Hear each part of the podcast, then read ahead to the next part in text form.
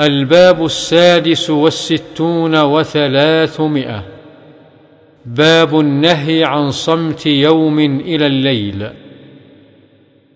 عن علي رضي الله عنه قال حفظت عن رسول الله صلى الله عليه وسلم لا يتم بعد احتلام ولا صمات يوم إلى الليل. رواه أبو داود بإسناد حسن.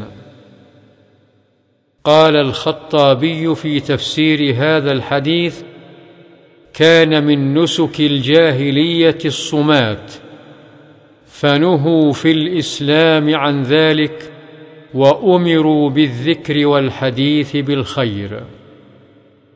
وعن قيس بن أبي حازم قال دخل أبو بكر الصديق رضي الله عنه على امرأة من أحمس يقال لها زينب فرآها لا تتكلم فقال ما لها لا تتكلم؟ فقالوا حجت مصمتة. فقال لها تكلمي.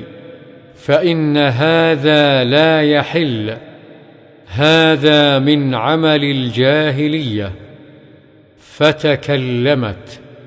رواه البخاري.